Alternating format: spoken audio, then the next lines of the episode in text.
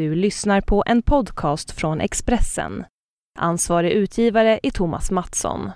Fler poddar hittar du på expressen.se podcast och på iTunes.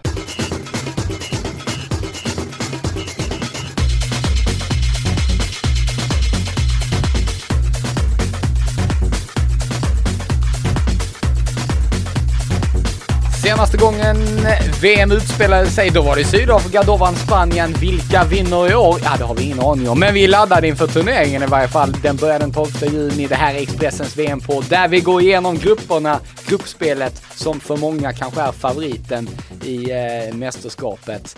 Eh, den här gången spelar vi i Brasilien och den här gången så snackar vi upp det på förhand i podd miljö med hjälp av Thomas Wilbacher, Jonas Espen Esbjörnsson och Johanna Remus. Ni har väl hängt med i de fem senaste avsnitten när vi har gått igenom grupperna. Jag hoppas det i varje fall. Då vet ni hur det här går till. Vi pratar om varje lag, eh, lite kuriosa, lite fakta, lite nörderi och lite sång. Det är ju sånt som förgyller vilken dag som helst, eller hur Espen? Absolut och eh, det blir aldrig bättre än när Thomas tar ton. Nej precis, vi har ju, vi har ju skrämt bort en hel del eh, lyssnare här eh, genom eh, avsnitten eh, med Thomas härliga sång. Det kanske bjuds på det även detta avsnitt, det vet vi inte. Eller Johanna kanske är sugen. Du har ju en gång eh, under EM när vi bevakade EM eh, när det gäller damerna här i somras. Eh, dansat. Då dansade du. Mm. Det kanske, här- vi, kanske vi får se liksom, jag vet inte riktigt hur vi ska Fast då måste jag ha Mats Bråstedt som min eh, partner in crime. Precis. annars jag inte. en känd Expressen-profil också, den gode Mats från Rå är han. På tal om absolut ingenting. Nåja, eh, vi får väl se om det blir dans och eh, sång i detta avsnitt. Det finns eh, förutsättningar för det, för det här är nog, om jag får säga det, min favoritgrupp i eh, mästerskapet. Argentina, Bosnien, Iran och Nigeria. Det känns som att det kan hända grejer i den här gruppen. Mm, Absolut, ska du eller jag börja? Jag kan börja här. Argentina är ju en eh, personlig favorit. Eh, om, vi ska, eh, om man ska avslöja hur gammal man är så är ju fotbolls-VM i Argentina 1978 mitt första och fortfarande ett av de största fotbollsminnena. Inte så mycket för att jag kommer ihåg resultat eller mål eller sådana saker utan det jag minns mest är alla Mario Kempers måljubel och konfettiregnet på Monumental i Buenos Aires. Det är, eh, där var jag nog såld tror jag. Han var ju den stora stjärnan VM 78 när eh, Argentina vann på hemmaplan. 3-1 i finalen mot Holland efter förlängning. Och eh, han lyfte aldrig riktigt efter det och blev den här jättespelaren som, som man kanske trodde då. Men för Men mig vi han pratar om honom än idag så att han blev nog stor nog Ja, ändå. han, för mig är han eh, oförglömlig eh, faktiskt. Och eh, Argentina ligger mig varmt om hjärtat. Eh, maten, fotbollen, Asado. asado. Nu kan vi också få in Thomas eh, Italien-koppling här eftersom Argentina Ja. är enormt Det är Italien-influerat. ju halv Italien, Argentina. Eh, det och inte minst fotbollen här då är ju jättebra. Eh, vi kommer väl alla att sakna Diego Maradonas kramande i detta VM. Han kramade ju laget till eh, kvartsfinal senast. Eh, och det var nog betydligt mer kramar än taktiska instruktioner för att de kändes väldigt, eh, väldigt lättlästa. Litade väl på att Messi skulle göra det. Det är väl många som litar på att Messi ska göra den här gången också, men eh, jag måste säga att han är ju långt ifrån ensam den här gången. Vi har en, eh, man brukar i Argentina prata om Los Cuatro, Fantastic, eh, Los Cuatro Fantasticos, de fyra fantastiska framåt och det är ju Messi naturligtvis. Det är Kun Agüero, det är Angel Di Maria och Gonzalo Higuaín och eh, det är väl nästan så att Messi har den sämsta säsongen av de fyra bakom sig. Mm. Alla de andra tre har ju övertygat stort. Lavetzi är ju en, eh, är ju en, eh, en spelare som, som bidrar med någonting som de andra kanske inte har eftersom han är så otroligt löpstark och, och snabb och, och kan bli en liten joker för Argentina. Absolut och ehm, Och det säger väl en del om bredden också Jag tycker, att man kan, jag tycker att man kan säga så här, Carlos Tevez är liksom inte med. Det säger ganska mycket om bredden på det här anfallet. Om, även om inte han kanske är liksom Messi-klass så är det ändå en sån Nej. spelare som, och som kanske är ännu mer favorit här med Argentina än vad Messi är Precis. på många sätt. TVC är ju en folkets man där hemma men jag tror att eh, precis som i Nasris fall Mm. var hans eh, det, var inte det, det var inte det fotbollsmässiga Nej. han föll på den här gången. Eh, och det kändes väl, han har inte fått spela under eh, Alejandro Sabella överhuvudtaget. Eh, och det var väl ganska väntat ändå. Eh, överhuvudtaget med den nya förbundskaptenen så tycker jag de ser mycket bättre ut. De är mycket mer strukturerade som lag. Eh, han bygger ju sitt spel på en tydlig defensiv. Han spelar ibland med fembackslinje om han vill täppa till och det kan nog behövas för att jag tror att en, eh, den svagaste punkten i detta lag är målvakten. Eh, han har envisats med att eh, ta ut Romero och Andujar. Och ehm, ja, Romero är väl första valet men han har väl inte direkt varit helt ordinarie i Monaco. Tvärtom, alltså han har ju köptes ju, eller lånades in eh, från Sampdoria för att han då skulle bli Monacos första målvakt. Men han har inte lyckats eh, ta den platsen så han har ju nött bänk helt enkelt. Och nu ska han komma in ganska sval eh, i ett mästerskap. Eh, Och du nämnde Andujar tidigare. Han har blivit petad i bottenlaget Catania som alltså åkte ner i Mm, Serie. B. Eh, och, och med, med Frison då som har tagit över. Så det, det är långt ifrån en stark position för Argentina. överhuvudtaget uttagningen av de här målvakterna är, det är många som ställer sig frågan till det även hemma i Argentina medan Willy Caballero då i Malaga har gjort en otroligt stark säsong i ett lag som har varit ganska mediokert. Han har räddat dem vid väldigt många tillfällen och den här målvaktsfrågan är ett väldigt stort frågetecken när det gäller Argentina. Jag är i uppfattningen att ska du gå riktigt långt i ett VM så behöver du en bra målvakt. Caballero visade väl upp i näst sista omgången i La Liga när han räddade sist, sista minuten. Eh, Atletico Madrid hade kunnat vinna ligan där men hans eh, målvaktshandske, det var ju en enorm räddning han Mm. gjorde där. Och han har gjort flera sådana den här säsongen. Och, och, och, och är en målvakt som, som ger eh, sin backlinje väldigt stor stabilitet. Jag vet inte riktigt hur mycket den här backlinjen litar på en ringrostig eh, Romero. Mm. Men Johanna, det känns som att vi nämner alltid Argentina bland favoriterna ändå och att eh, ska de lyckas den här gången. Varför lyckas de aldrig? Eller det var ett bra tag sedan alltså de hade en riktigt stor framgång. Jag vet faktiskt inte, det, det känns lite som det var med Spanien under många år. Att det liksom bara går troll i det hela. Att det liksom någonstans skiter det sig och sen kanske det kommer vara så då. sen får vi se Argentina fyra mästerskap i rad vara uppe och slåss om. Jag vet Mm, inte, det är jättesvårt att sätta fingret på för det känns, på pappret är det ju verkligen alltid ett av de starkaste lagen. Ehm, men, eh, men att få till det, nej, jag- du satte mig på pottkanten Ja, här. men det är jag har svårt. Nej, men det, nej, det, är- det är svårt att sätta, sätta finger på exakt. eh, Men eh, du har varit inne på det li- eh, lite här nu. Att jag tycker väl inte att defensiven är superstark eh, om man tar spelare för spelare. Man har visserligen en Sabaleta som är bra. Men Federico Fernandez som har spelat mycket i kvalet. Han har inte direkt rotat marknaden i, i Italien eh, i Serie A där han varit väldigt svajig med Napoli. Eh, vi har en Otta Mendy som inte har eh, utvecklats. Det var många som trodde han skulle bli den stora, precis stannat upp en hel del. Eh, Ugo Campagnaro i Inter har eh, spelat kanske hälften av matcherna i år. Eh, ingen spelare som man verkligen tror liksom ska leda ett landslag heller. Så att, ja men det är väl det. Eh, försvaret och, och målvaktspositionen som gör att man inte riktigt kan tro på Argentina. Klassblandningen är ju stor mellan, ah, ah, mitt, eh, vad säger jag, mellan, ja dels mittfält men alltså målvakt och backlinje och anfall. Kanske säger en del också om eh, detta lag. äh, Kanske säger en del också eh, om detta lag att en sån som eh, Fernando Gago fortfarande är en del av materialet. Jag gläds lite åt att vi får ett reprismöte från, eh, från eh, 94 mellan Argentina och Nigeria. Kommer ni ihåg där när eh, den svenska domaren Bosse Karlsson det, delade ut det fel var ju då ja. Han delade ut varning till fel nigeriansk Ja. spelare och eh, Arne Hegerfors sa Odo Karlsson. Det har inte börjat bra. Olise, mycket förvånad.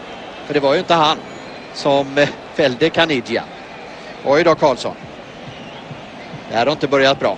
Och sen så Och fick väl den andra, fick väl han en varning till så han hade kunnat få- fått ett rött kort. Var det, eller var det en annan match? Nej, Ja, det är möjligt men det var i alla fall bortdömda mål och det var Ja. ja. Kanidja. Det var en härlig match, men eh, Bosse. Karlsson minns inte det där med om ni, glädje minns, kan jag säga. om ni minns Kanidja som jag har i min lilla, Din favorit. min lilla, mitt lilla bokmärke. Precis. Men, men jag vill bara, vi pratade om Maradona här förut, bara flika in mitt favoritmoment med honom förra VM var ju när han skällde på Lars Lagerbäck. När de möttes. Just det. Och För de möttes ju, Argentina och. Nigeria mö- möttes ju redan förra. jag måste bara få Eh, säga det. Det stora med den matchen var ju att Lagerbäck inte tackade Maradona efter Mm, matchen. jag tog inte i det är- hand sen. Det är kyligt ändå. Ja, så- Lasse Så, så vi har ju, vi, har, vi hade ju Argentina och Nigeria redan förra VM. Ja, just Eller det. då. Mm. Så att, eh, men, Jag, jag, eller redan. Hade Återigen. jag fått möjligheten att hälsa på Maradona, då hade jag tagit det. Ja, det hade faktiskt jag också. Det är en...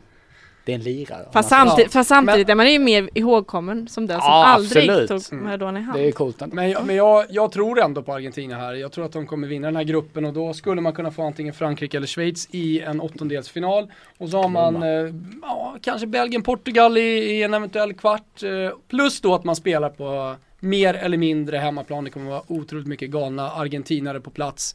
Eh, det här, eh, jag tror att de skulle kunna gå hela vägen till final faktiskt. Inte omöjligt. Får jag bara flika in ett sista minne från Sydafrika Ja. och Diego Maradona. Jag följde Argentina ganska mycket där och varenda presskonferens med Maradona var ju världens show. Det, man fick köa för biljetter för att komma in på presskonferensen. Eh, det var dagar när argentinska journalister inte fick eh, biljetter. Jag minns framförallt en kille som när han insåg att han inte skulle komma in tog sin mobiltelefon, drog den med all kraft i en betongpelare nöjde sig inte med det utan sprang fram och började hoppa och stampa på telefonen. Sen gick han därifrån. Det blev nog ingen artikel den dagen.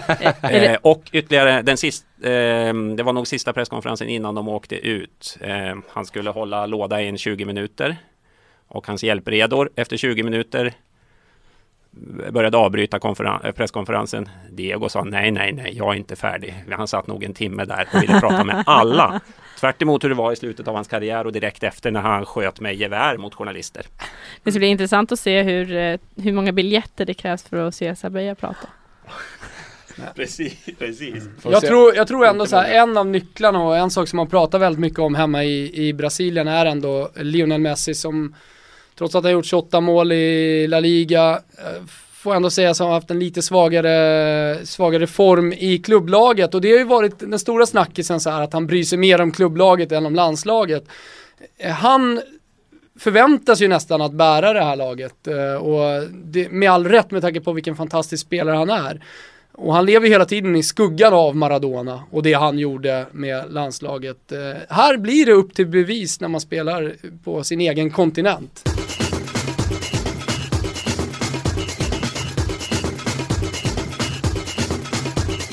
Nu går vi in på Nigeria tycker jag. Vad, eh, vad har vi eh, denna härliga afrikanska nation eh, i detta mästerskap?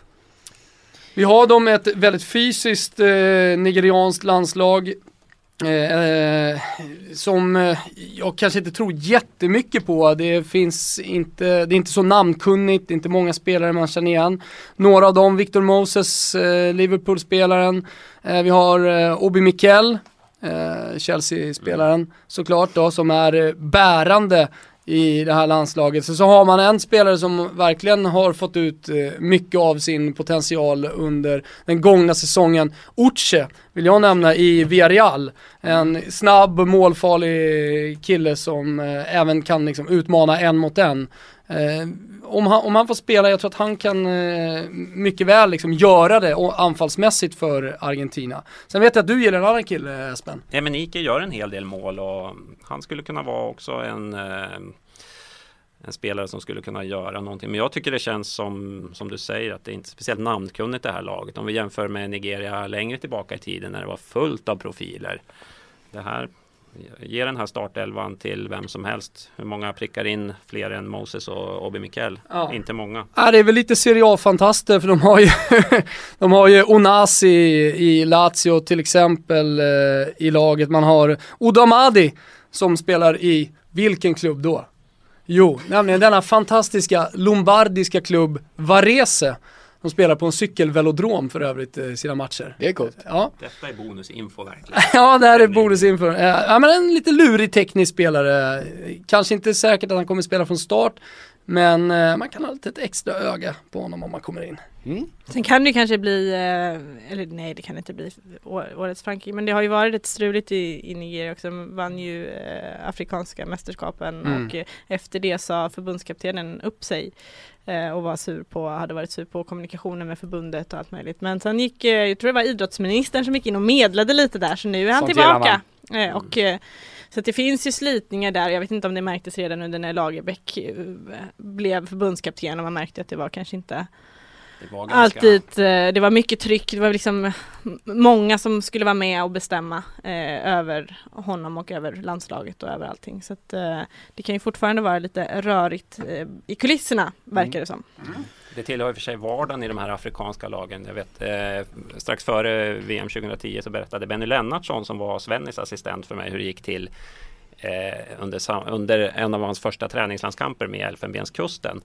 Eh, precis en halvtimme innan avspark när man ska eller det var inte ens en halvtimme, en kvart när de efter värmningen var klar. De skulle gå in och prata igenom det sista.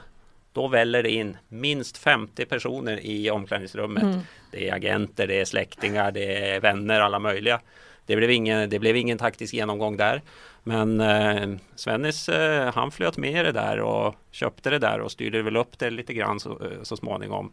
Um, det är möjligt att Lagerbäck hade lite svårare för det där. Tänker att det känns nästan om vi ska prata Svennis och Lagerbäck som att Svennis är mer den eh, liksom goa farbrorn som mer anpassar sig och liksom mm. försöker skapa god stämning. Men det känns ju som att Lagerbäck kanske vill ha det lite mer inrutat och eh, klart och tydligt hur det ska gå till. Mm. Men nog om det. Ska vi gå på Iran? Ja, det, är en, det är faktiskt en personlig, när man har läst på lite så här så läste jag på en hel del om Iran och jag hittade mycket härligheter. Dels är det ju den gamla United-tränaren då, Portugal förbundskaptenen Carlos, hur uttalar man Queiroz? Queiroz. Queiroz. Som har tagit dem. Real Madrid har han varit. Precis. Mm. Hur de har nog spenderat en del pengar på hans lönecheck. Han är ju tränare där, förbundskapten och eh, de har gått, Iran har gått från sjua till etta på den asiatiska rankingen och i kvalet så höll de nollan i 10 av 16 kvalmatcher och vann eh, eh sin eh, grupp. Och eh, jag är lite besviken att det Marta Vika, vad heter han? Martavika är den snabbe där i VM 98 när han gjorde mål mot USA. I läge, här kan matchen komma att avgöras. Keller besegras. Martavika är den snabbe. 2-0 till Iran. Eh, att han inte spelar längre, men däremot har de en skön kille som jag gillar. Eh, anfallaren Reza Gushanehad, med reservation för uttalet. Mm. vad kallas han? Han kallas kort och gott Gucci. Gucci. Gucci! Helt underbart. Det är, perfekt, det är perfekt att han har det. Eh, det smeknamnet eftersom annars är det otroligt svårt att uttala. Jag är i och för sig inte orolig om det typ är Chris Härenstam som ska, som ska kommentera Irans matcher. Då ja, han, är viktig. han har gjort nio mål på elva matcher och han sköt bokstavligen Iran till det här mästerskapet. Eh, han är fostrad i Holland men spelar till vardags i Charlton. Där han inte har gått så bra. Nej, han har inte gått så bra i Charlton än. Men i landslaget har han gått bra så det är helt klart en nyckelspelare. Jag vill också nämna Sardar Azmoun som man kan läsa mer om i Expressens VM-bilaga. Eh, han eh, kallas ju för Irans Lionel Messi, känn på ja. den. Oj, det var inte dåligt. Som, mm, det var inte dåligt. Jag skulle vilja eh, prata lite om vad Keirosh vad han har gjort för den här lönechecken som säkert är ganska fet. Han har eh, vidgat vyerna lite grann och bland annat Gucci då är ju en av flera spelare med iranska rötter som inte är uppvuxen eller boende i Iran som han har tagit till sitt landslag. En annan spelare jag tror mycket på är ju eh, Dejaga som ju är tysk egentligen, eller han är född i Iran men kom tidigt till Tyskland. Han ingick väl i det lag som vann U21 EM 2009 här i Sverige med Tyskland och eh, är en ganska kapabel spelare. Sen har de en hel del rutin i den här Bundesliga, eller gamla La Liga-duon Nekonam och Masoud eh, som spelade flera säsonger i Osasuna tillsammans och var riktigt bra. Och eh, som bonusinfo kan jag berätta att denne Massoud är eh, kusin med min äldste sons eh, klasskompis. Oj, oh. det är en härlig kursa. Alltså Messi? eh, nej, nej, utan... Nej, förlåt, jag hörde inte. Messi, Gucci. Ah, ja, ja, ja, ja. Eh, nej, och det man också, om vi ändå talar om bonusinfo, eh, så ska vi prata om moderklubbar också och eh, Dejaga som du pratade om precis, som är tyska rötter också, eh, han började spela i det fantastiska laget Rai Nickendorfer Füchse Ja, säger ni om det? Ja, det är underbart. Det är alltså. nog väldigt mycket kvartersklubb över den. Eller byklubb kanske. Säkerligen, säkerligen. Men så, som sagt, eh, ja. Det ska bli intressant. Alltså de, de, har ju som du säger eh, ett lag fullt av spelare som kommer från olika eh, uppväxter så att säga. Eh, och med dels rutin, mycket rutin i backlinjen som har gjort att de har hållit nollan i så många matcher. Men även då framåt med Sardar, Azmoun, eh, nye Messi och Reza på topp. Ja. Och, och, ja, förlåt. Jag tror inte de blir eh, den slagpåse man kan tro. Men eh, intressant är ju, det är mycket ekonomi i världsfotbollen och så vidare, men i Iran så har ju förbundet gått ut och sagt att spelarna de får inte byta bort sina tröjor för de ska spela i samma tröjor. De har helt enkelt en rad eh, med tröjor. Vilket har, ställ, Sunt förnuft. vilket har ställt till det lite dock för målvakten här i Iran har berättat att efter första tvätten nu så gick den från XL till medium direkt. Så att det kan liksom... Jag sitter lite de, de, de, får- de får inte äta får- något mellan matcherna Ja, heller. de får framförallt inte gå för långt för då blir det i turneringen för då, blir det liksom riktigt Men då kanske- smått eh, efter ett tag. Men då kanske det finns någon som kan Ja, kanske. Om de går riktigt långt kanske det finns Ja. någon rik, eh, Precis. Ja, vi får ju hoppas det. Men nej, du, du tyckte ändå lite bra ändå att man inte ska hålla på att byta bort tröjorna och slösa så att säga. Jag har, ja, det, här är en av, det här är en av mina stora käpphästar, jag på säga. Nej, men jag, jag har svårt att förstå det här. Det finns ju de som till och med att man byter i halvtid och håller på. Hur många, hur, många spe, hur, många, hur många tröjor gör svenska landslaget av med på en säsong? Det skulle jag vilja veta. Ja. Kan du ta Ja, reda på det någon gång Axel? ja, jag ska ta reda på det För här. att det känns otroligt För att, push, slösaktigt. ja, men för att pusha Iran ytterligare och surret om Iran, som vi kommer att återkomma till i Expressens VM-studio vad det lider, så kommer eh, Svenska fans Iranien-redaktör Pars Pesman komma vara på plats och han kan allt om det iranska landslaget. Så att, eh, mer surr om det i VM-studion sen. Och det är väldigt kul. Det finns, I Sverige finns det ju många med iransk eh, bakgrund och det gör ju att det blir extra kul att följa dem. Precis som att det blir väldigt, väldigt kul att följa Bosnien. Eh, som också finns en, en stark koppling i Sverige. Eh, och många som kommer hålla en tumme för Bosnien-Hercegovina Ja. som eh, gör sitt första eh, världsmästerskap. Och det känns ju som att de har en spännande trupp också. Ja, Det har de på alla sätt och det har de visat i EM-kvalet eh, där de imponerade, eh, framförallt anfallsmässigt. Eh, Bosnien som inte ens behövde kvala sig till, till VM utan vann, vann sin grupp tack vare seger i den sista gruppspelsmatchen. Eh, Kvala behövde de, men playoffa behövde de. Ah, sorry. det här är sant. Helt rätt. Eh, med eh, storstjärnan Edin Dzeko på topp, självklart Ibisevic, även han. Och sen en eh, gudabenådad eh, mittfältare i Miralem Pjanic eh, som har storklubbarna efter sig, inte minst Barcelona som sägs vara intresserade av honom. Spelar just nu i Roma och har en jättebra säsong bakom sig.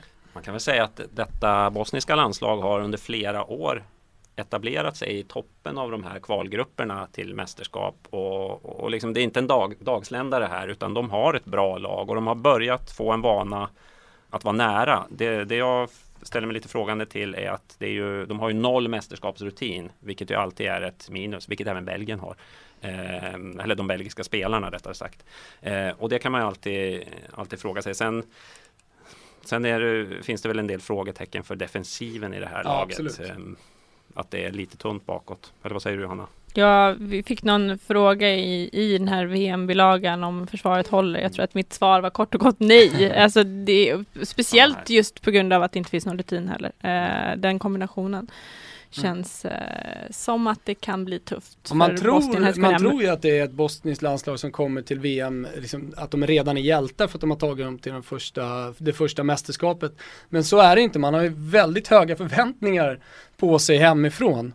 Så alltså Bosnien räknar med att gå långt. Och jag tror nog alltså om de kan komma två i den här gruppen, kanske få Frankrike i en åttondelsfinal så skulle de kunna skrälla sig vidare till en kvartsfinal faktiskt. Ja men det känns ju som det är alltid något lag som skräller sig fram, till och med till semifinal och spelar bronsmatch. Det har Mm. varit så flera de senaste. VM-turneringarna att det, att det kommer ett lag. Kan Bosnien möjligtvis vara ett av ett lag som kan göra det? Jag tror inte de går så långt. Nej, inte jag heller. Jag lägger min röst snarare på, ja, möjligtvis, jag, är lite tveksam till Belgien också, eller att vi har kanske håsat upp dem för mycket. Jag tror Colombia kommer vara det laget som är det som vi pratar om som skrällaget. Absolut. Eller så har vi mest. med all rätt. Mm. Belgien. Vi återkommer till det när vi pratar om. Belgien. Helt enkelt. Var, var vi nöjda där med den här gruppen? Avslutar Vilka går Bosnien? vidare? Ja, vilka går vidare här i den här högintressanta gruppen? Jag tror att det blir Bosnien och jag tror att det blir, eller vet, höll jag nästan på att säga, Argentina såklart. Ja, jag instämmer i det. Jag tror också att Bosnien fixar det här. I Iran och Nigeria är för svaga tror jag. Mm. Ja, jag tror också Bosnien tar sig vidare i gruppen i alla fall. Kul! Bakom Argentina. Det känns som Och att det tror jag väldigt kanske att eh, folket där hemma kan vara rätt nöjda med i slutändan. Ändå. Ja. Mm. Jag tycker vi lyssnar till eh, låten som faktiskt kom trea, 2006 var det va Ja, Axel? jag har för mig det. Det var Med en Leila. stark poäng, 229 poäng har jag för mig. Det var en otroligt skarp final här. Eh, eh, Leila som framförde. Ja, men, eh, ja, Thomas, vi lyssnar lite. Det tycker jag.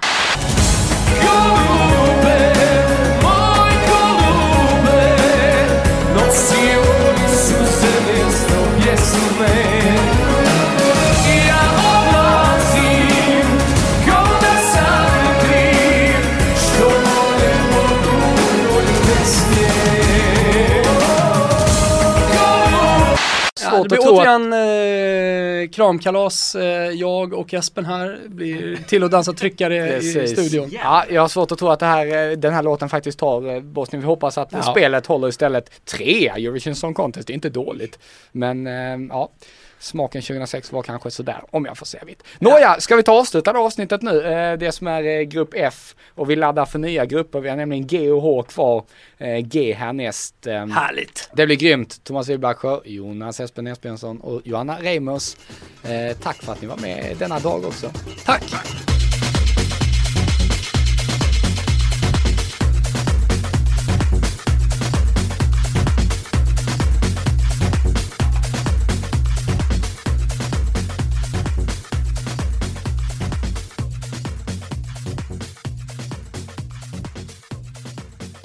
Du har lyssnat på en podcast från Expressen.